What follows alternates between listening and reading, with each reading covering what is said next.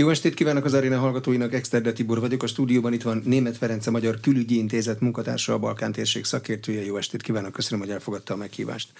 Zavargások voltak észak-koszovói településeken. A koszovói szerbek megtámadták a rendőröket, meg a KFOR békefenntartókat is. 20 magyar katona sérült meg köztük, heten súlyosan lőtt sebbet is kaptak. Mi vezetett ezekhez a zavargásokhoz most? Jó estét kívánok, én is nagyon szépen köszöntöm a, a hallgatókat. Alapvetően április, áprilisig kell visszamennünk ahhoz, hogy megértsük azt, ami az elmúlt napokban történt Észak-Koszovóban.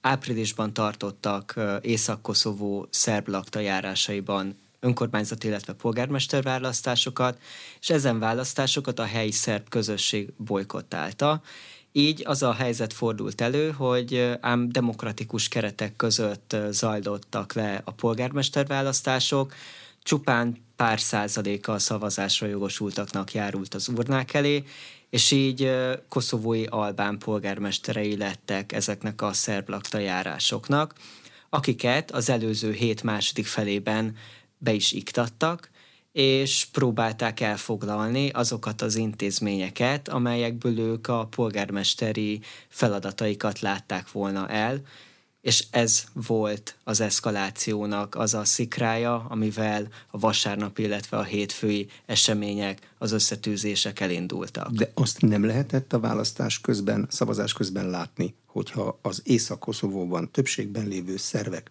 bolykottálják a választást, akkor ott albán választás lesz. Tehát albánokat fognak megválasztani. Ebből pedig baj lesz. Mint ahogy lett is. Ez borítékolható volt, azonban a nemzetközi közösség, és itt elsősorban az Európai Unióra, illetve az Egyesült Államokra gondolok, alapvetően támogatta a választások lebonyolítását, és nem emelt kifogást az eredmények ellen sem, sőt üdvözölte, hogy egy békés környezetben tartották meg a választásokat.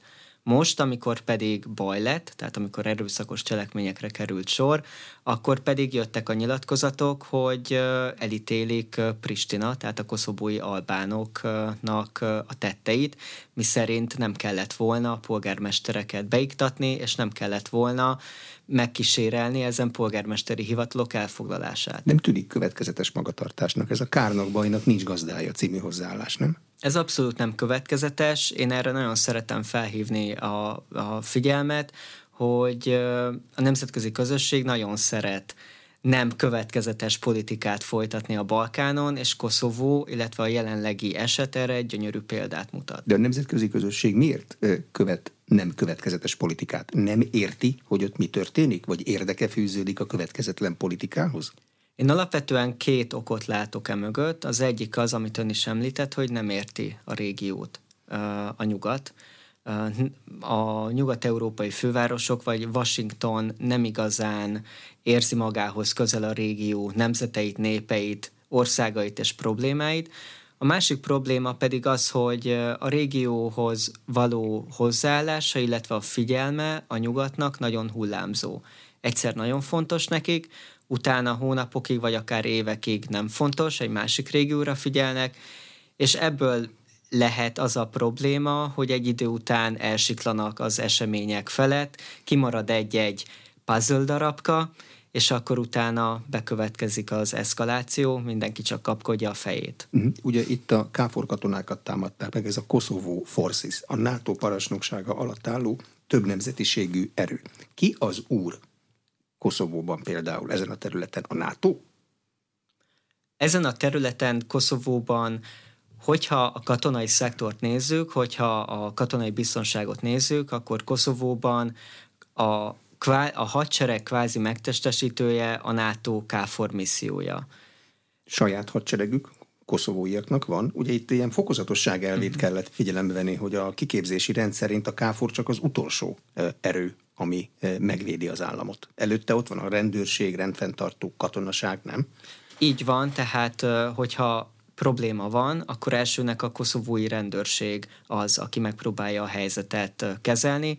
Ezt követi az Európai Unió jogállamiság missziójának, az EULEX-nek a rendőri alakulata, ez szintén egy nemzetközi rendőri elő, erő, ebben főleg lengyelek vannak egyébként, és a harmadik úgynevezett reagáló erő maga a KFOR. Tehát a KFOR ilyenkor csak olyan esetben vetik be, hogyha már tényleg zűrös a helyzet.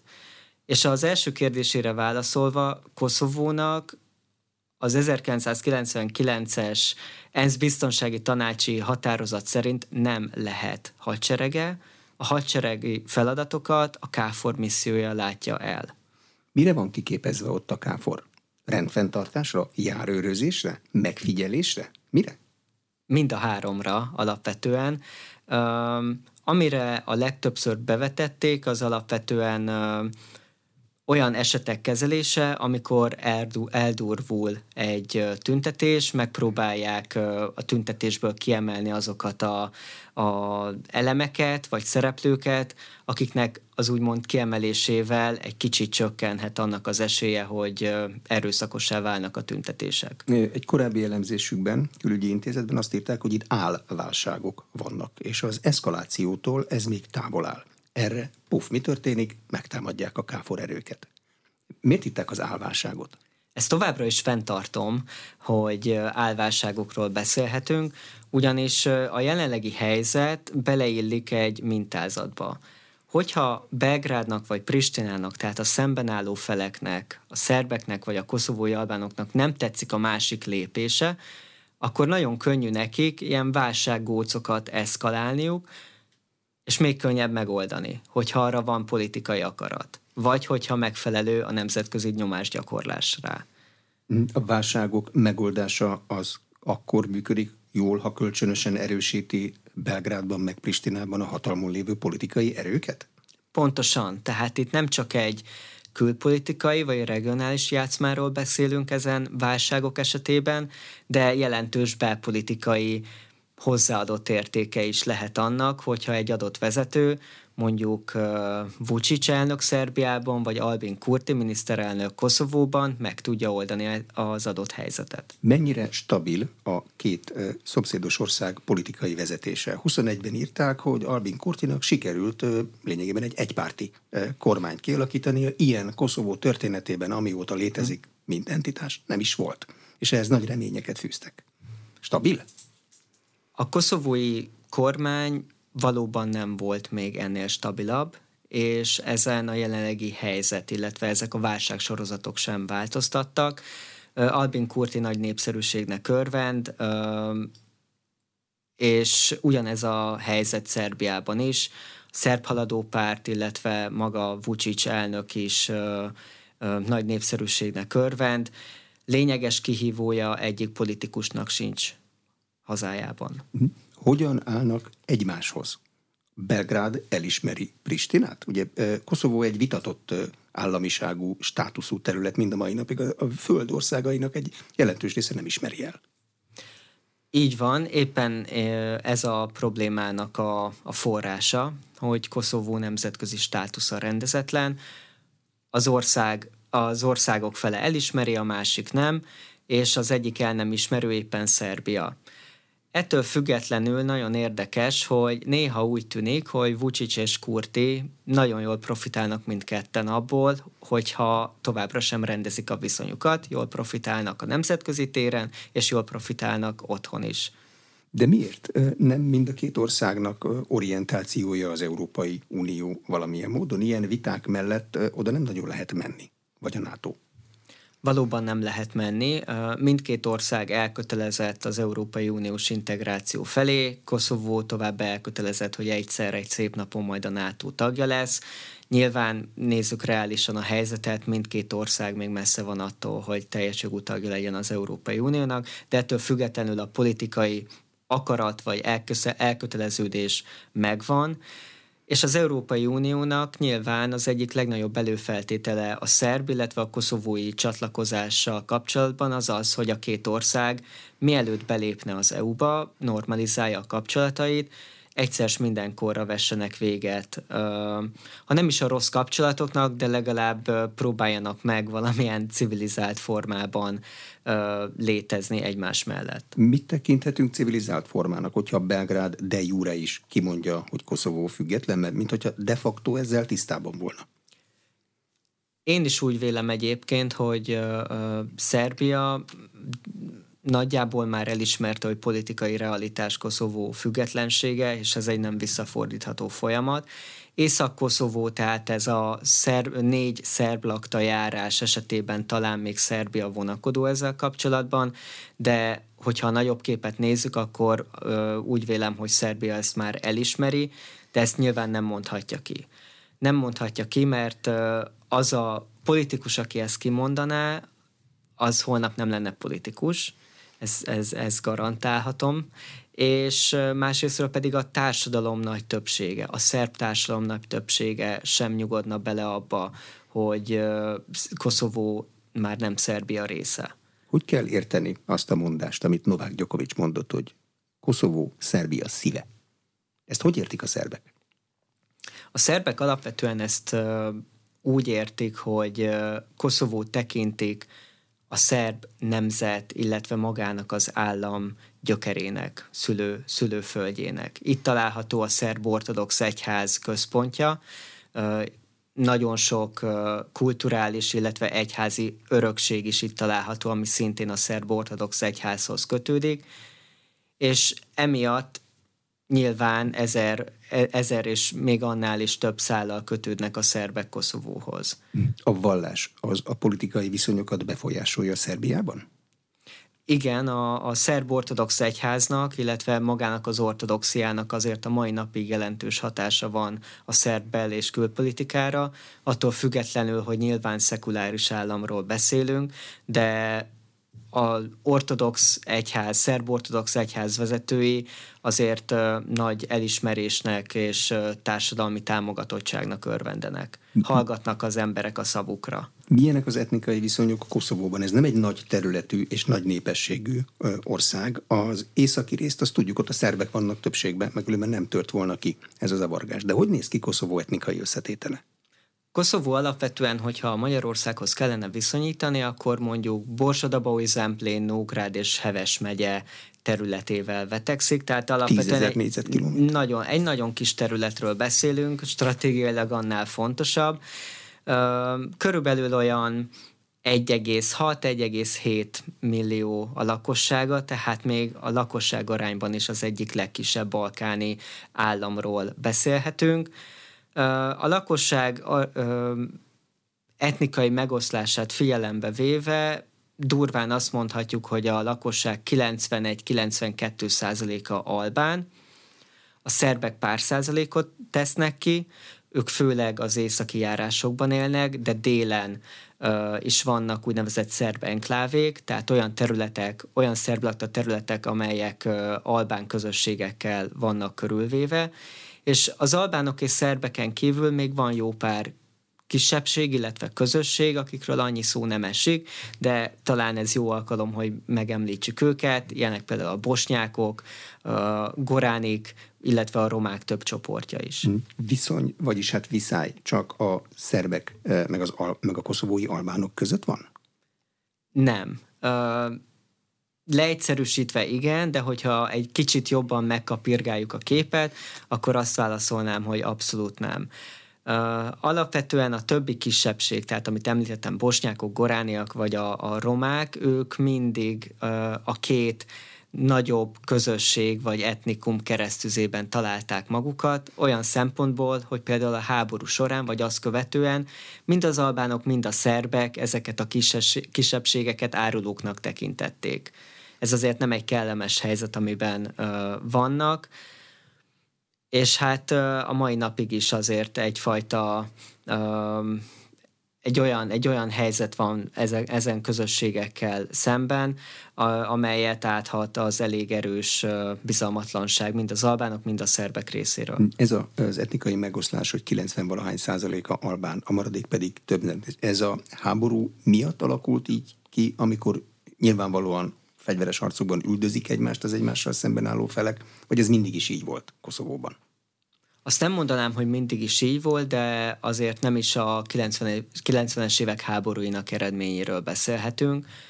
Én alapvetően az 1970-es éveket szoktam belőni, mint egy olyan évtized, amikor elkezdődött azért egy viszonylag jelentős népesség arányszám megváltozása, ugyanis ebben az időszakban kezdett el csökkenni a, a szerbek száma Koszovóban viszonylag jelentősen. Ők azért mindig is egy urbanizáltabb, egy városiasabb réteghez tartoztak, Koszovó területe Jugoszláviában pedig mindig nagyon szegény volt. Tehát volt egy nagyfokú szerb kivándorlás az egykori Jugoszlávia azon részeire, amelyek iparilag fejlettebbek voltak, mint mondjuk Szlovénia, Horvátország, de mondjuk a Vajdaságot is említhetnénk.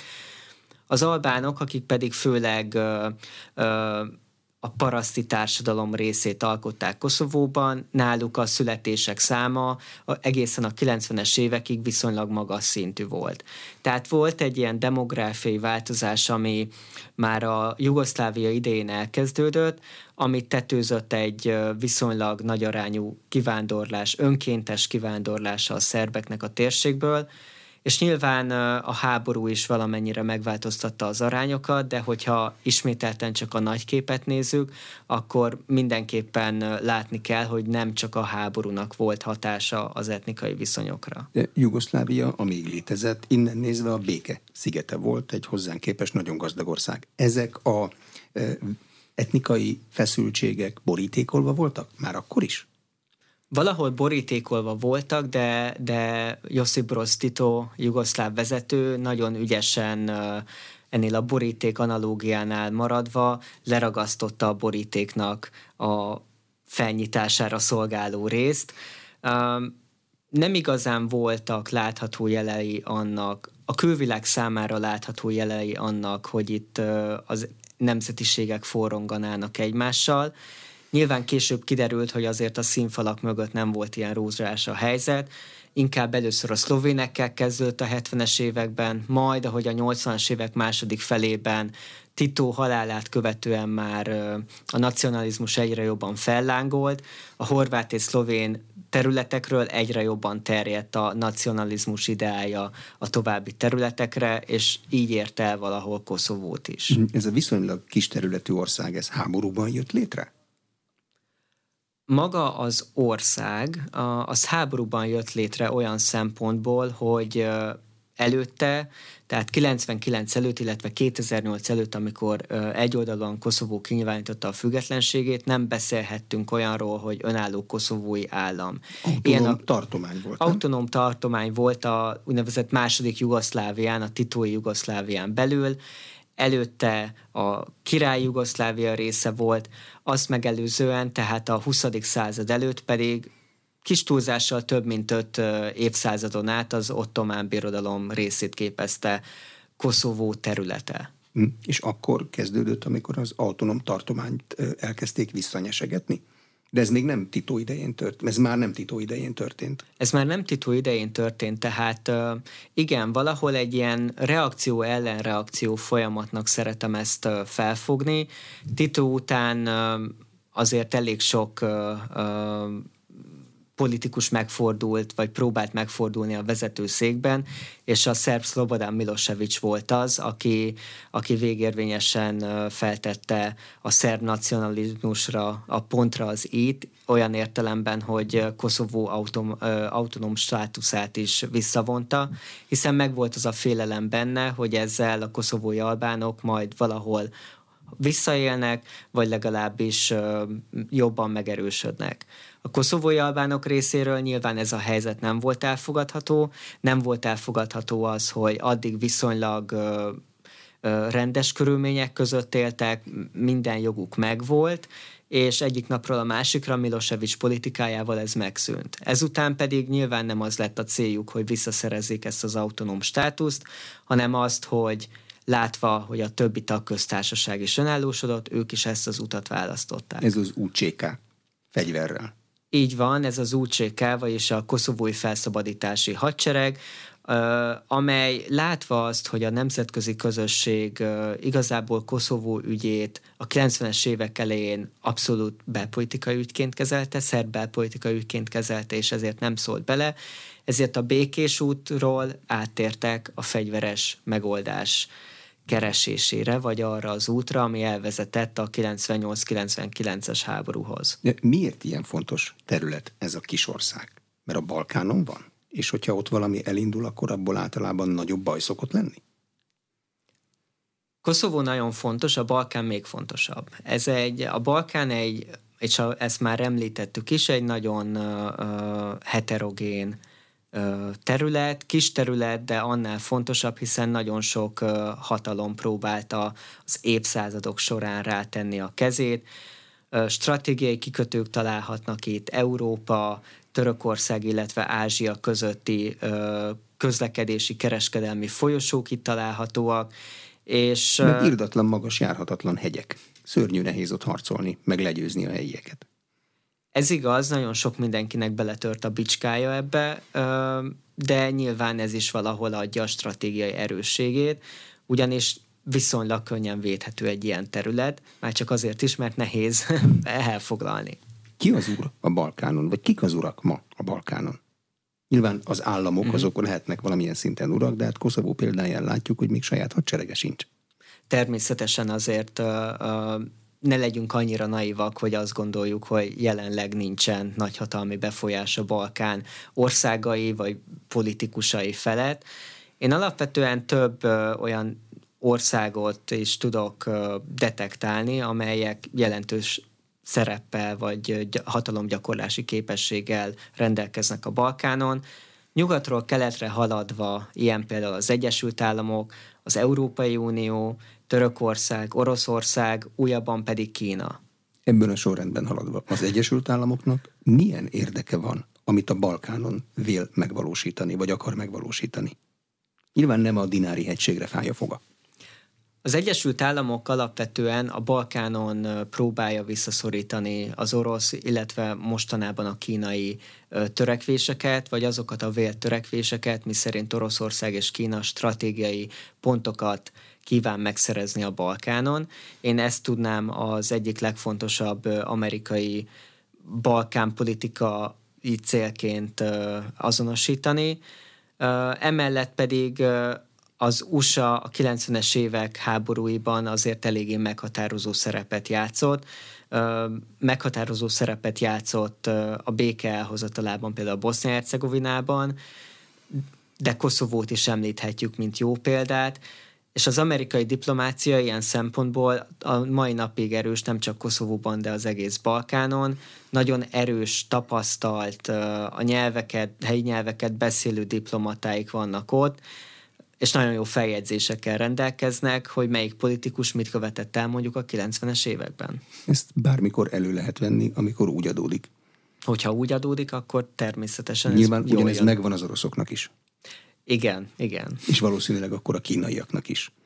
Abban már annyira nem vagyok biztos, de nem tartom abszolút kizártnak. Az amerikaiak a stratégiai pontokra, kikötőkre akarják kiterjeszteni a befolyásokat, vagy az a cél, hogy az oroszok vagy a kínaiak ne tudják oda kiterjeszteni a befolyásokat? Inkább a második. Tehát én úgy látom, hogy Amerika valahol itt egy ilyen preventív politikát szeretne folytatni, azt megakadályozni, hogy mondjuk Oroszország az energetikai csatornák felett a Balkánon teljes fölényre tegyen szert, vagy mondjuk Kína relációjában azt megakadályozni, hogy a Kína a telekommunikációs szektorban előre törjön, Tehát a Balkánon is. Minden telekommunikációs eszköz, szoftver, hardware kínai gyártású legyen ezen a területen is. Ezt nem akarják. Ez lenne az első számú amerikai külpolitikai cél. Mi az amerikaiak megítélése ezen a területen a Balkánon? Amikor elindult a balkáni háború, akkor egy humanitárius intervenció elnevezésű új jogi konstrukcióval indokolták azt, hogy amerikai repülőgépek bombáznak. Ezt elfelejtették ott?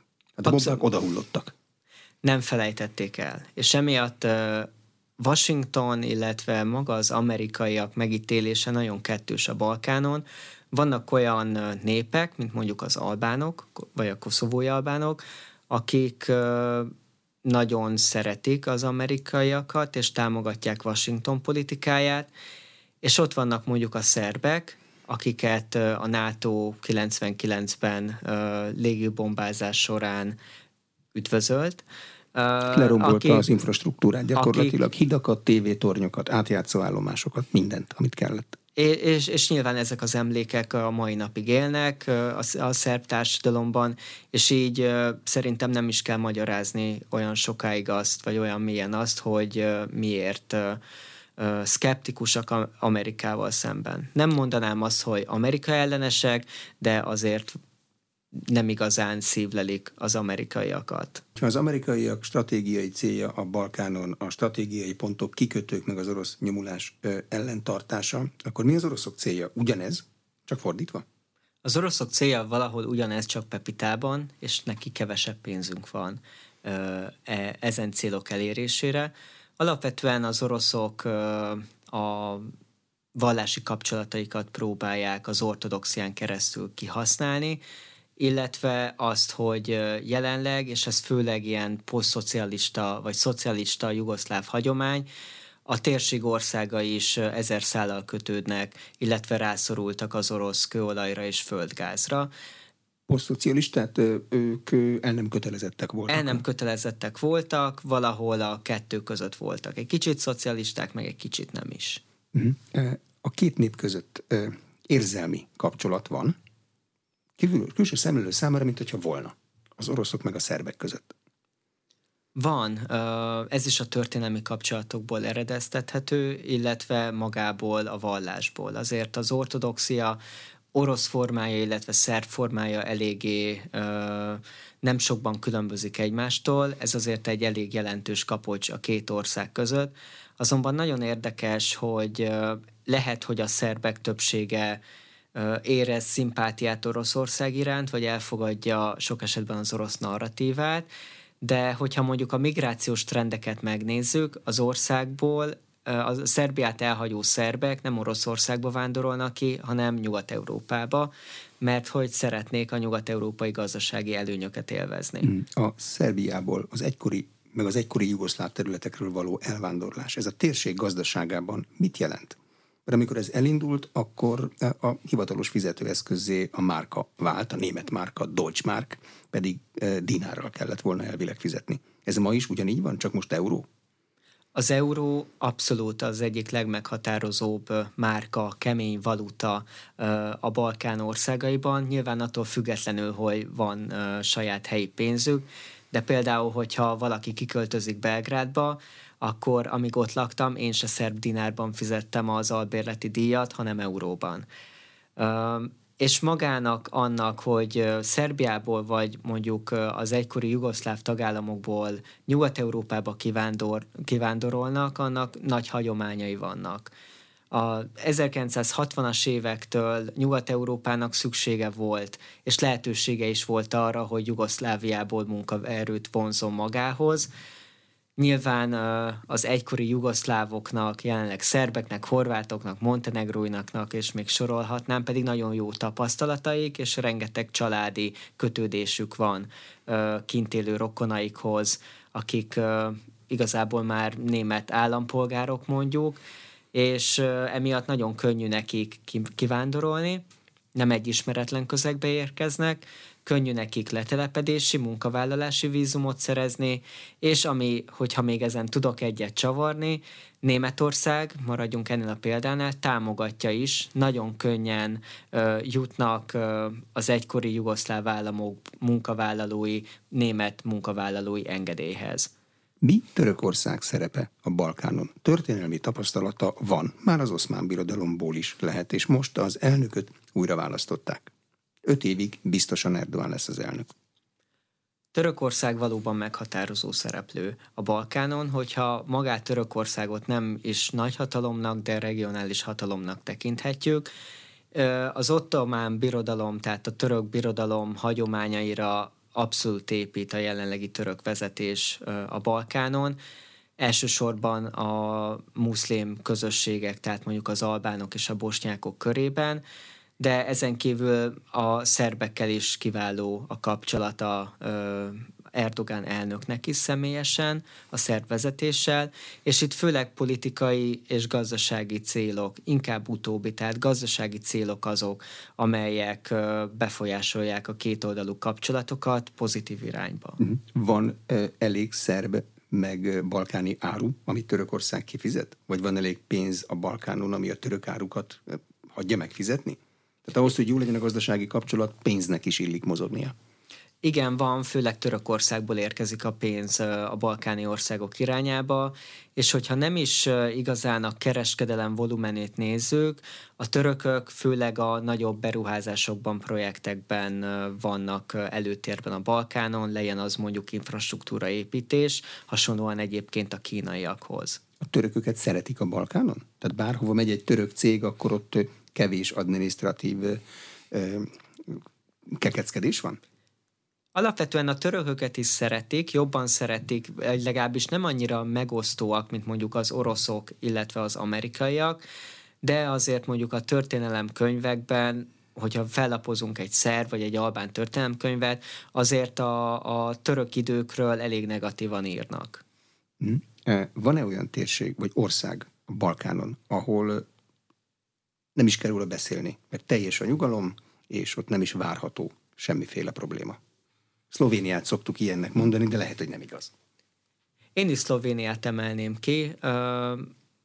Ezen kívül én azt mondanám, hogy talán még Horvátország az az ország, amely, amelyben az utóbbi 10-15 évben politikai stabilitás van, nyilván vannak kormányválságok, de ezt nem tekintem olyan jelentőseknek, hogy egy arénában beszéljünk róla fél óra, 45 percen keresztül.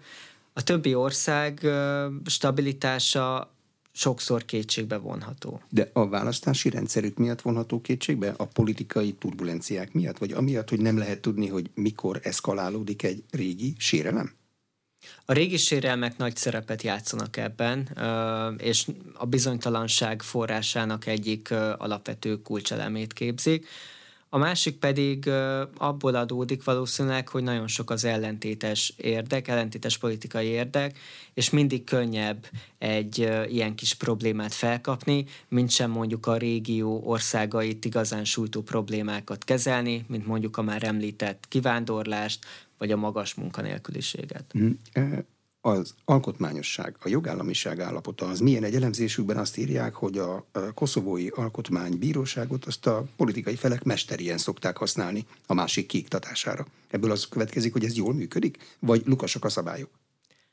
Abszolút uh, politikai célokra felszokták használni szinte mindegyik országban a legfelsőbb bíróságot ennél a példánál maradva.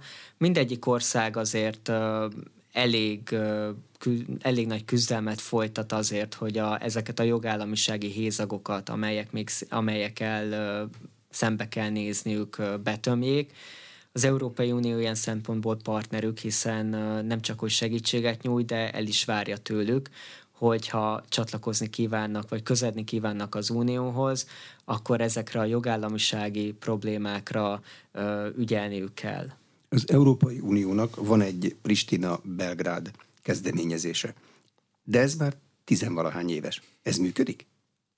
Az elején működött, az utóbbi években, vagy úgy is fogalmazhatnék, hogy az utóbbi egy évtizedben már eléggé a tetsz halott állapot felé közeledünk. Az elején működött, ez az eleje, ez 2011, illetve 13. Ez az a időszak, amikor a felek alapvetően nagyon technikai és szakpolitikai kérdéseket tárgyaltak meg, amelyekkel sikereket értek el. Tehát mondjuk ilyen kérdésekre kell gondolni, hogy Észak-Koszovóban az észak-koszovói bírói hálózatot beintegrálják a központi hálózatba, vagy hogy a koszovói rendőrségnek észak-koszovóban szerb tagja is legyenek. Meg hogy szerb önkormányzatoknak legyen szövetsége észak-koszovóban. Na hát, hát, az, na hát az már egy másik az téma. a biztosítékot. Az már kiverte a biztosítékot, és épp ez a probléma, hogy egy idő után, olyan 2015 után, illetve környékén minden apró kérdés, minden apró technikai kérdés rettentően és végtelenül átpolitizálódott.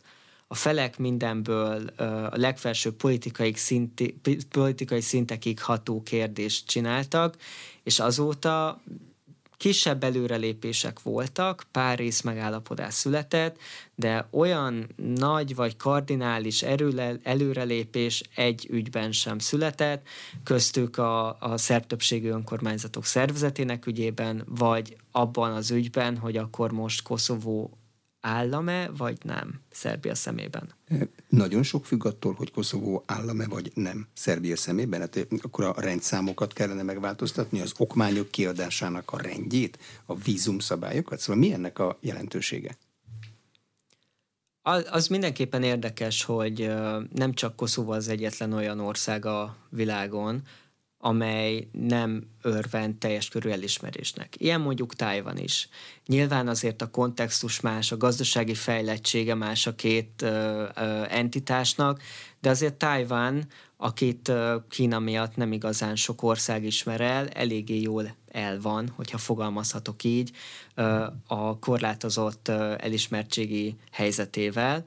Ö, nyilván a legtöbb elemző, és jó magam is úgy látom, hogy a koszovói helyzet megoldása, vagy legalábbis a kapcsolatok rendezése Belgrád és Pristina között alapvetően Koszovó elismerésével kellene, hogy lezáruljon, illetve ez garantálná annak az esélyét, hogy a különféle, akár erőszakossá váló epizódok, álválságok, amire már utaltunk, nem fognak a jövőben is bekövetkezni. Mm. Tehát Koszovó státuszát tekintem én annak a kardinális kérdésnek, amelynek a rendezése nélkül nem tudunk majd A-ból a B-be lépni. Az egész Balkánon, vagy csak Belgrád-Pristina viszonylatában? Az egész Balkánon. Az egész Balkánon, hiszen uh, nem tudjuk Koszovót és vagy Belgrád és Pristina közötti kapcsolatokat csak önmagukban értelmezni, mindig érdemes egy kicsit regionális kitekintést is tenni, és nagy hatása van Észak-Macedóniára, vagy akár Bosznia-Hercegovinára is annak, ami történik Belgrád és Pristina között, vagy ami adott esetben nem történik a két ország között. Hmm, teljesen hipotetikus a kérdés, mert nem történt még meg. Mi volna Észak-Macedóniával, meg Bosznia-Hercegovinával, ha Belgrád azt mondaná, hogy Koszovó független állam, elismerem. Mi történne? Mi elindulnának új folyamatok? Valószínűleg uh, új folyamatok indulnának el. Észak-Macedóniában fennállna a veszélye annak, hogy az ottani albánság, amely a teljes lakosság közel 30%-át adja ki, uh, elkezdene egyfajta függetlenségi folyamatot gerjeszteni, vagy legalábbis ezek a politikai narratívák megnövekednének. Bosznia-Hercegovina esete pedig sokkal érdekesebb, egyben pedig sokkal komplikáltabb. Amennyiben Szerbia elismerné Koszovó függetlenségét, az nagy kiatással le, lenne Bosznia-Hercegovina állam működésére is, különösen az úgynevezett Republika Srpskára, tehát Bosznia-Hercegovina két ö, ö, nagy részéből, egységéből a főleg szerbek lakta részre. Területcsere létrejöhet? Erről is volt szó korábban ö, Koszovó északi része meg Szerbia között? Vagy ez tabu? Volt szó uh, valóban helyi politikusok, Hashim Tachi, egykori koszovói elnök, aki jelenleg Hágában uh, üdül, fogalmazzunk így, Hágában várja az ítéletét, illetve Vucic között még a 2010-es évek elején voltak olyan tárgyalások, vagy elhangzottak legalábbis olyan félmondatok, amelyek arra utaltak, hogy a két vezető nem zárná ki egy ilyen opció megvalósulását, tehát azt, hogy határcse, határmódosítással, területcserével oldják meg a koszovói szerb közötti kapcsolatokat. Alapvetően politikai szinten egyik ország agendájába, egyik ország politikai napirendjébe sem épült bele ez az elképzelés. Ennek nagyon sok oka van annak, hogy mind a helyi felek, mind pedig a nemzetközi közösség elveti ezt az ötletet, vagy tabuként kezeli. Én a gyakorlati oldalról szeretem ezt a kérdést is megközelíteni, ugyanis Észak-Koszovó, tehát a Koszovó fő, főleg szerbek lakta része stratégiai fontosságú Koszovó számára. Itt található egy nagy bányaközpont, Trepcsei bányaközpont, illetve itt találhatóak azok a mesterségek, stavak, amelyek nem csak a koszovói vízellátáshoz szükségesek, de a koszovói erőművek hűtéséhez is ezeket használják. Azt meg nem adják oda soha senki másnak. Enélkül kvázi életképtelen lenne Koszovó bizonyos aspektusokból nézve, bizonyos nagyon fontos aspektusokból nézve. Egy másik érdekes dolog pedig, hogy a nemzetközi közösség abszolút tabunak tekinti ezt a lehetőséget, hogy valamiféle területcsere létrejöjjön. Különösen Németországot említené meg, aki többször, több ízben kijelentette, hogy nem fogja támogatni azt, hogy elinduljanak a felek akár erőszakosan, akár, akár békés úton egyfajta területcsere felé, mert hogy ez dominó effektust indítana el a Balkánon, és itt újra Boszniára szeretnék utalni. Biztos, hogy a Berlinben is Boszniára utaltak, mint egyfajta lehetséges második áldozata a határmódosítási elképzelések. ha elindul egy dominó effektus a Balkánon, ha valaki területet kap, akkor a másik veszít, akkor ez mindenkit érint az egész Balkánon, vagy mindenki figyeli a másikat, és fölhorgadnak az ez irányú vágyak, és akkor elindul? Ilyen a Balkán? Ilyen a Balkán, mindenki figyeli a másikat, kis régió, szomszédok, ezen kívül pedig a problémának nyilván az a forrása, vagy az egyik forrása, hogy a jelenlegi határok nem követik az etnikai határokat, és ami nagyon fontos, hogy sosem követték az etnikai határokat. Se a jelenlegi határok, se a régiek, és nyilván, hogyha az egyik esetben idézőjelben engedélyeznénk a határmódosítás jelen ö, megvalósítását, kivitelezését, akkor ö, hipotetikusan kérdezem, hogy mi tartaná vissza egy másik országot attól, hogy valamilyen területi követeléseit érvényesítse egy másik országgal szemben. A térség stabil országai, Szerbia, Szlovénia, Horvátország elég erősek is ehhez. Nem elég fékek? Elég fékek, de nyilván mindegyik országnak a Balkánon van egy víziója arról, hogy egykor, mondjuk a középkorban ő sokkal nagyobb területet uralt, és nyilván mindegyik társadalomnak van egy olyan rétege, amely talán vevő lenne azokra a hívószavakra, hogy vissza kellene még szereznünk, vagy csatolnunk X régiót, illetve Y országot magunkhoz. A gazdasági kapcsolatok a Balkán országai között azok milyenek? Egymással kereskednek? Abszolút vannak gazdagok, meg vannak szegény országok. Vannak gazdag és vannak szegény országok, ez kvázi letükrözi azt, amilyen volt Jugoszlávia. Szlovénia és Horvátország gazdag, fejlett, míg minél délebbre megyünk az egykori Jugoszláviában, annál szegényebb területeket találunk, tehát mondjuk Koszovó vagy Észak-Macedónia egyes részei, vagy akár Dél-Szerbia sem igazán büszkélkedhetnek nagyon szép gazdasági mutatókkal. Ami a jelenlegi gazdasági együttműködést illeti a Balkán országai között, ezek szinte elhanyagolhatóak. Kereskednek valamennyit egymással, de a kereskedelem iránya az főleg az Európai Unió vagy egyéb államok felé irányul, mint mondjuk Törökország felé. Milyen a térség államainak hozzáállása az uniós csatlakozáshoz? Ambicionálják? Már aki még nem tag nyilván ambicionálják, ha bár nagyon csalódottak. És ez a csalódottság nem csak a politikai elitben érezhető, hanem már a társadalmakban is. Az Európai Unió ugyanis júniusban, tehát idén, ebben a hónapban lesz 20 éve, kereken 20 éve, hogy 2003-ban az a Tesszaloniki csúcs találkozón Európai Uniós perspektívát ajánlott a Nyugat-Balkán államainak, tehát felajánlotta azt, hogy egyszer egy szép napon, ha majd teljesítik az elvárt kritériumokat, akkor teljes jogú lehetnek. Ezt eddig csak Horvátország teljesítette, aki 2013-ban lett tag, azóta a bővítési fordulóra nem került sor, a Nyugat-Balkán országai pedig meglehetősen szkeptikusan állnak ahhoz, hogy mikor válnak ők is teljes jogú tagokká. Nyilván politikai szinten ezt nem tudják ö, ö, viszonylag erősen kifejteni, tehát politikai szinten továbbra is elkötelezettek, de azért nagyon reálisan látják azt, hogy az Európai Unió rettentően megosztott abban a kérdésben, hogy legyen-e bővítés, vagy nem. De, de Szlovénia az olyan, mintha már itt lenne, nem? Hát túl euróval fizetnek az emberek, mm. fejlett ország, ők akarják még egyáltalán? Szlovénia ő már 2004 óta Európai Uniós tagállam, a Horvátország szintén idén januártól vezette be az eurót, belépett a Schengen övezetbe is.